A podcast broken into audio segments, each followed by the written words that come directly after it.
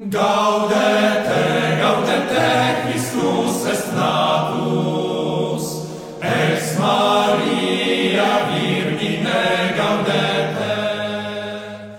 Drodzy radiosłuchacze, mam nadzieję, że jesteście pełni werwy po radosnym przywitaniu nowego roku 2023 i cieszymy się, że jesteście z nami w audycji. Witamy Was e, może jako pierwsi, w tym e, nowym roku. Ojciec Tomasz Mordziałek i Izabela Banaszewska. E, dzisiaj na początek e, roku pańskiego kolejnego proponujemy wam niełatwy obraz, pełen symboli i sama nazwa, przynajmniej dla mnie, adoracja dzieciątka wzywa nas do tego, żeby nie tylko na niego spojrzeć raz czy drugi, ale właśnie niejako go sam ten obraz by spoglądać na niego i wyłapywać to, co autor chciał przekazać, bo to nie jest przekaz taki łatwy i prosty, lecz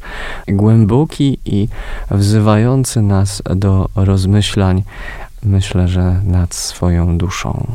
Kiedy tak zastanawialiśmy się nad wyborem obrazu na dzisiejsze spotkanie z Państwem, przyszło nam do głowy, że nie mogło być lepszego obrazu. On jest trudny, tak jak powiedział ojciec Tomasz, ale z drugiej strony łączy wiele elementów, o których chcemy dziś powiedzieć. Pierwsza rzecz, jesteśmy wciąż w oktawie Bożego Narodzenia.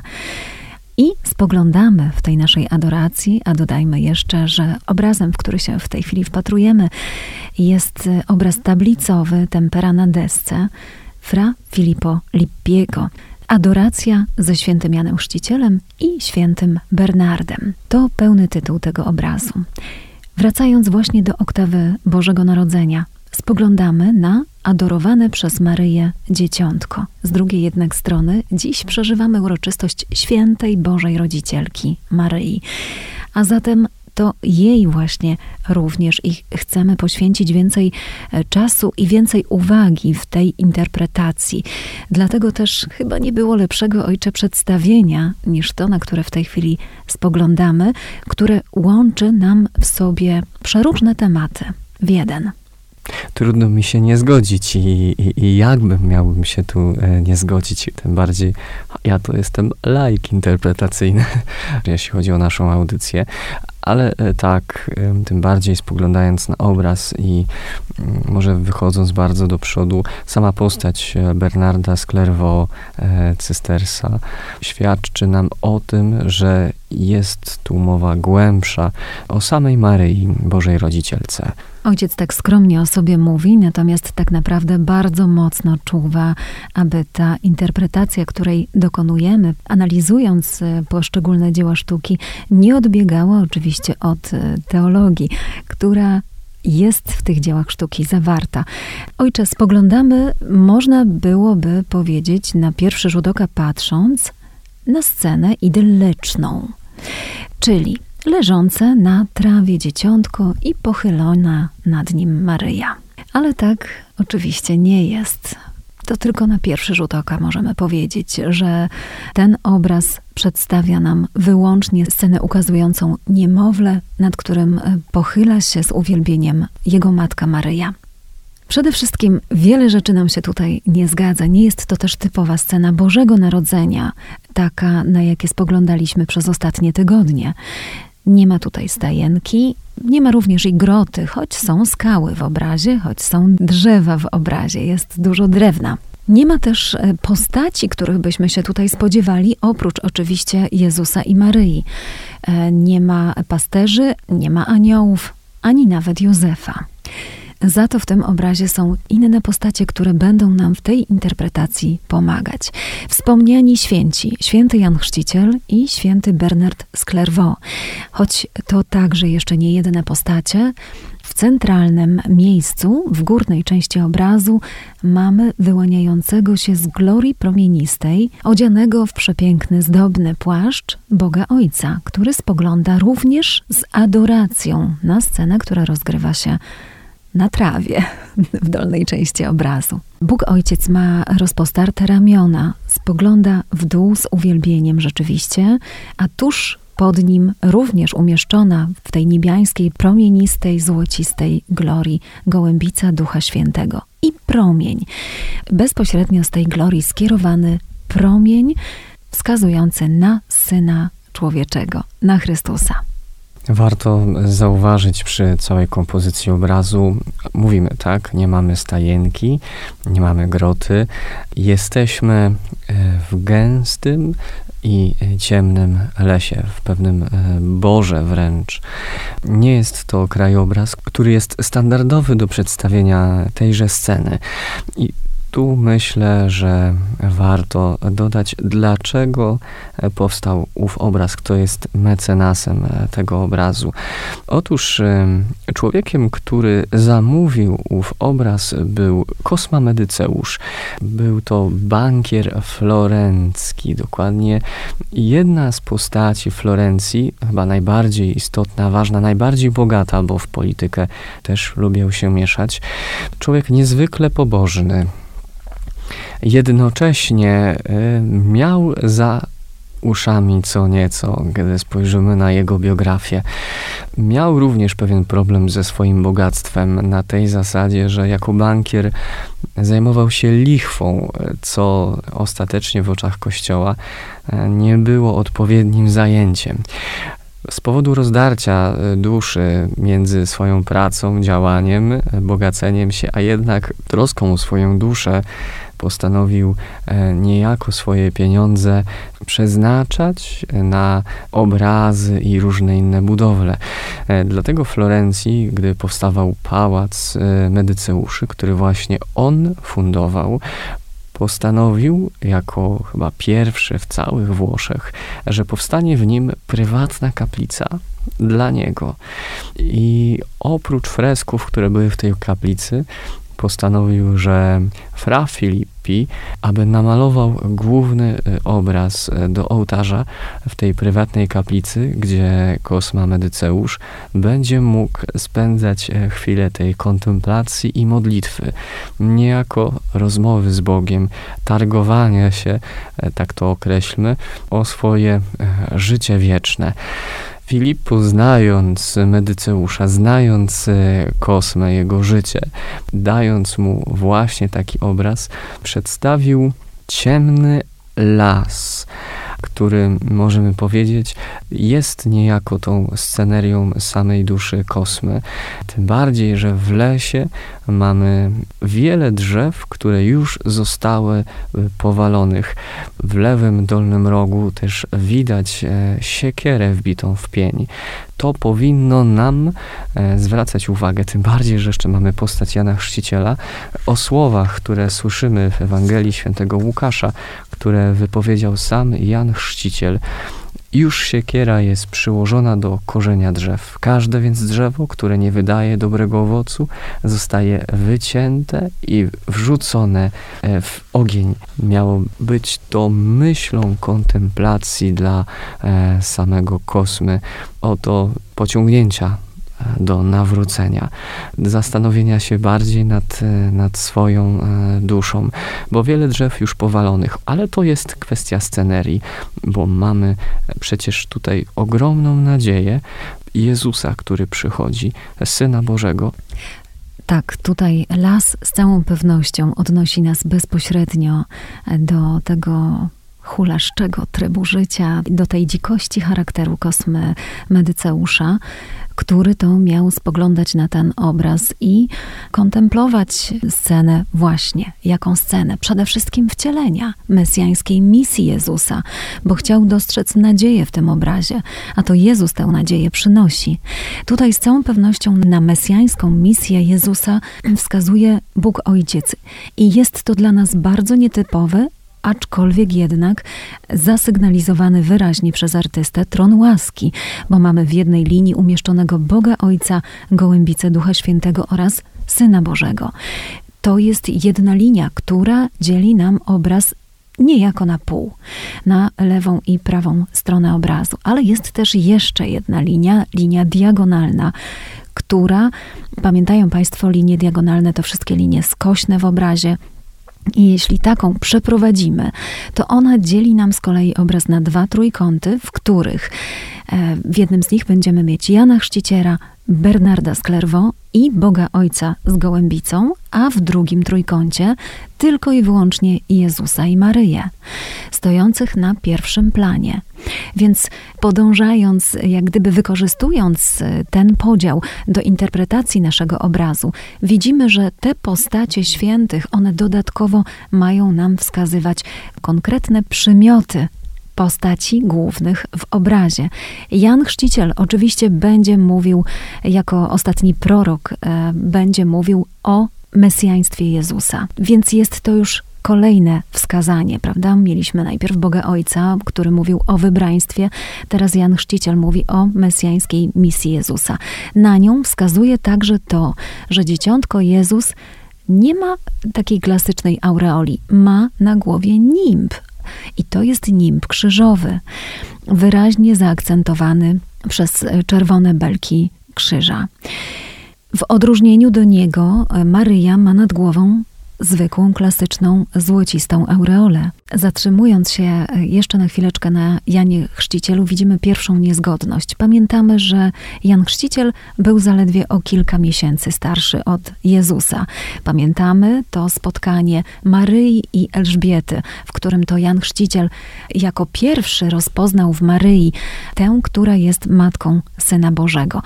No więc e, mógł być tylko zaledwie o kilka miesięcy starszy. Tymczasem on tutaj jest już ukazany jako kilkuletni chłopiec.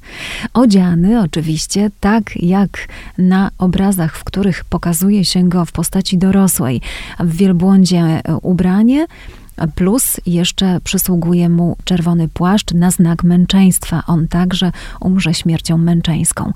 Będzie trzymał w dłoni krzyż i tak jest i tym razem. On w dłoni trzyma pastorał zakończony krzyżem, plus jeszcze w dłoni zazwyczaj trzyma e, wstęgę, na której mamy inskrypcję. Tutaj ta wstęga nie jest przez niego trzymana w dłoni bezpośrednio, ale w jakiś sposób go oplata. Na tej inskrypcji znajdują się słowa Oto baranek Boży, który gładzi grzechy świata znów wskazuje właśnie na Jezusa.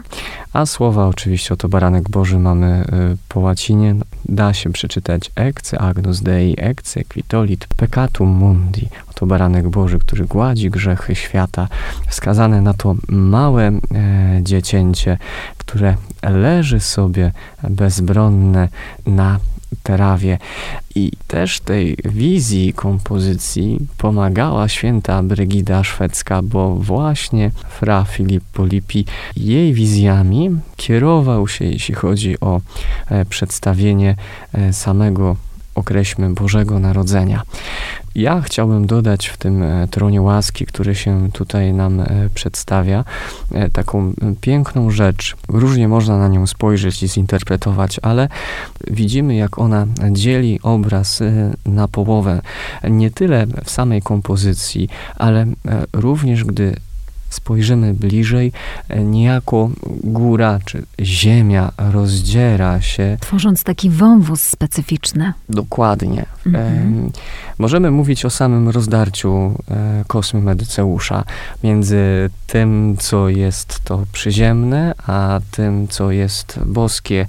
Ale również spójrzmy na to, E, gdyż w samej adoracji nie tylko spoglądamy na przyjście Syna Bożego, ale mówimy również o fragmentach, o częściach e, tego, co niesie ze sobą inkarnacja Chrystusa, a mianowicie Jego zbawczej, odkupieńczej e, męki i śmierci, czym się oczywiście kończy zmartwychwstaniem.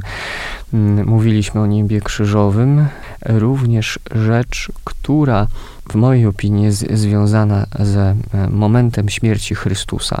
E, o przybytku. Kiedy umiera Chrystus, zasłona przybytku rozdarła się na dwoje. To znaczy, że to miejsce, które było niedostępne dla ludzi, tylko dla arcykapłana, i to raz do roku zostało rozdarte, zostało otwarte. Bóg niejako stał się dostępny dla każdego. I tu możemy mieć taką myśl, że już przy samym wcieleniu dokonuje się to niezwykłe rozdarcie. Bóg już jest dostępny, już jest dla nas, e, że Jego postać e, nie jest ukryta pod zasłoną, nie jest niedostępna, ale jest na wyciągnięcie ręki, jest tak blisko.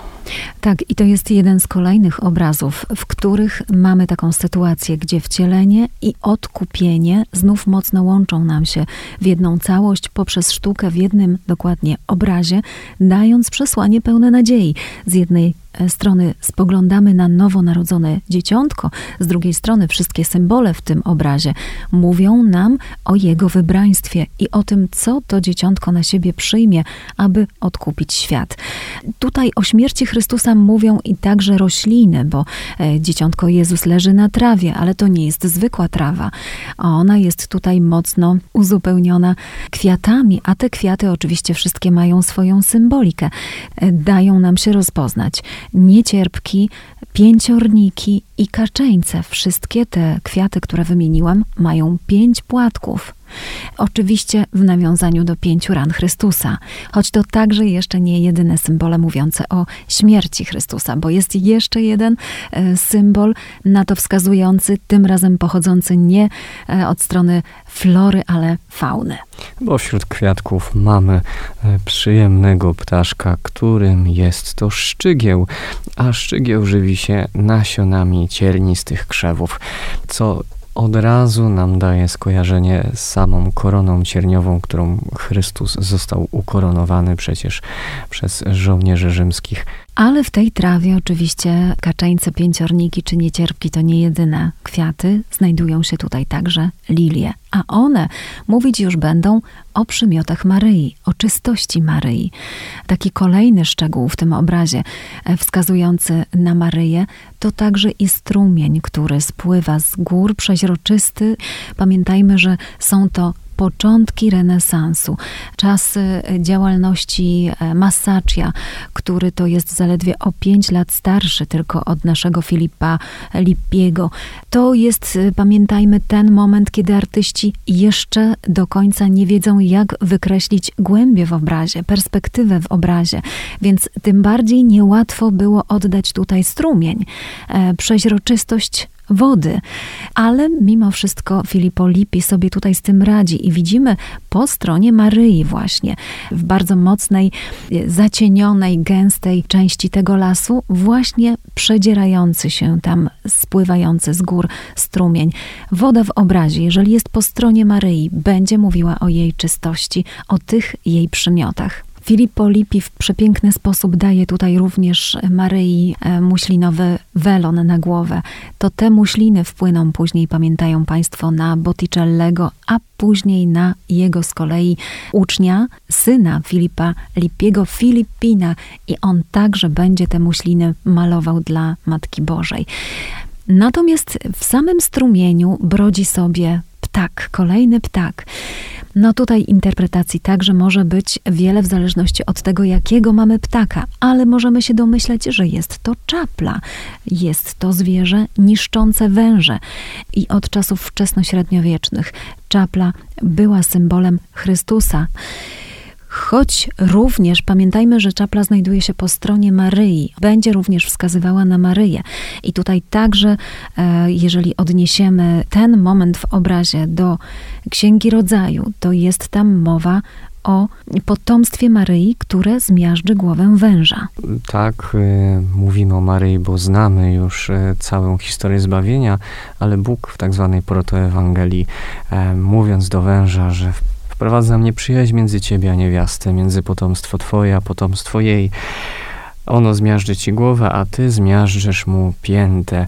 A to, że y, nasza czapla jest po stronie Maryi, dla nas y, powinna być też znakiem, na pewno na dzisiaj. Y, kiedy patrzymy na przedstawienia niepokalanej, przedstawienia niewiasty apokaliptycznej, tej, która jest obleczona w wieniec z gwiazd dwunastu, która stąpa po e, wężu, po głowie węża, bo to jest ta, o której też myślimy i patrzymy jako pokornej służebnicy Pana, która miażdży głowę węża i łamie strzały e, nieprzyjaciela. Skoro jesteśmy w tym miejscu, to bardzo ważna teraz będzie dla nas postać świętego Bernarda z Clairvaux. Dlaczego artysta umieścił w tym obrazie intelektualistę, który zapoczątkował nurt mistyki chrześcijańskiej, którą to nazywamy mistyką oblubieńczą? Absolutnie, z całą pewnością dlatego, aby podkreślić przymioty Maryi. Ojciec nawiązał do tych apokaliptycznych dwunastu gwiazd nad głową Maryi. Otóż Bernard z oprócz tego, że właśnie był znany z tej swojej mistyki oblubieńczej, która jak najbardziej przynosiła nadzieję, bo koncentrowała się na miłości Boga do człowieka, podkreślając tutaj bardzo mocno aspekt miłosierdzia, to jest też także autorem dwunastu przywilejów Maryi, czyli łask, których obrazem jest właśnie dwanaście gwiazd w koronie Maryi. I tutaj te przywileje Maryi, on je podzielił na przywileje nieba, ciała i serca. Najważniejsze, uważał Bernard, są te przywileje nieba, czyli te, które wskazują na Maryję jako na obleczoną w słońce, jako na niewiastę, na którą zstępuje Duch Święty, na niewiastę niepokalanie narodzoną oraz za której przyczyną dokonuje się niepokalane poczęcie Jezusa. Później pojawiały się przywileje ciała, które mówiły o dziewictwie doskonałym Matki Bożej. Na dziewictwo oczywiście czystość wskazuje tutaj w obrazie ta woda, o której wspomniałam. Na płodność bez naruszenia panieństwa, na ciążę bez obciążenia oraz na poród bez bólu rodzenia. E, to były przywileje odnośnie e, ciała, no i przywileje odnośnie serca, które tutaj także są bardzo ważne. Łagodność wstydliwości, pobożność pokory. Widzimy tutaj taką rzeczywiście pokorną służebnicę pańską adorującą dzieciątko, wielkoduszność wiary i męczeństwo serca. Teraz jeśli idzie o właśnie męczeństwo serca, to właśnie Bernard Clairvaux bardzo mocno podkreślał te wątki doloryczne, jeśli chodzi o Matkę Bożą. To dzięki niemu, za jego przyczyną, rozpowszechniło się nabożeństwo do siedmiu boleści Maryi. Od tego momentu w średniowieczu zaczęły powstawać obrazy przedstawiające Maryję z mieczem skierowanym w jej serce lub z siedmioma mieczami właśnie e, wokół serca Matki Bożej. Więc tutaj bardzo mocno widzimy także i akcent skierowany na to, że Maryja będzie tą niewiastą bolesną. Ona w tej chwili jeszcze adoruje dzieciątko, ale dzieciątko ma nad głową nimb krzyżowy. Wszystkie te elementy wskazują już na to, co będzie później. Cała przyroda w tym obrazie nam o tym mówi. Każdy szczegół w tym obrazie nam o tym podpowiada. I to również te elementy miały zwrócić uwagę Kosmy Medyceusza podczas jego kontemplacji i modlitwy w kaplicy, do której poświęcony był właśnie ten obraz. Jak słyszeliśmy, obraz jest e, pełen symboli, e, jest nad czym się zastanowić, jest co e, kontemplować, adorować, medytować. I z tym Was zostawiamy, drodzy radiosłuchacze, e, ale e, wyciągając tą jedną rzecz, chyba najbardziej istotną, z samego obrazu, i to też niech będą życzenia dla Was na ten e, nowy rok, który rozpoczęliśmy. Niech on będzie przede wszystkim pełen nadziei, nadziei z przyjścia Zbawiciela, czyli tego, który przychodzi, by nas uratować z tej e, ciemności gęstwiny lasu, boru e, naszych e, serc. Niech ten promień jasności świeci. Tym bardziej, że niestety w dzisiejszych czasach wiele mroku gdzieś nas ogarnia niepewności na jutro. To nadziei jeszcze raz nadziei w Chrystusie. Dziękujemy dziś Państwu za uwagę i do usłyszenia za tydzień. Gaudete, Christus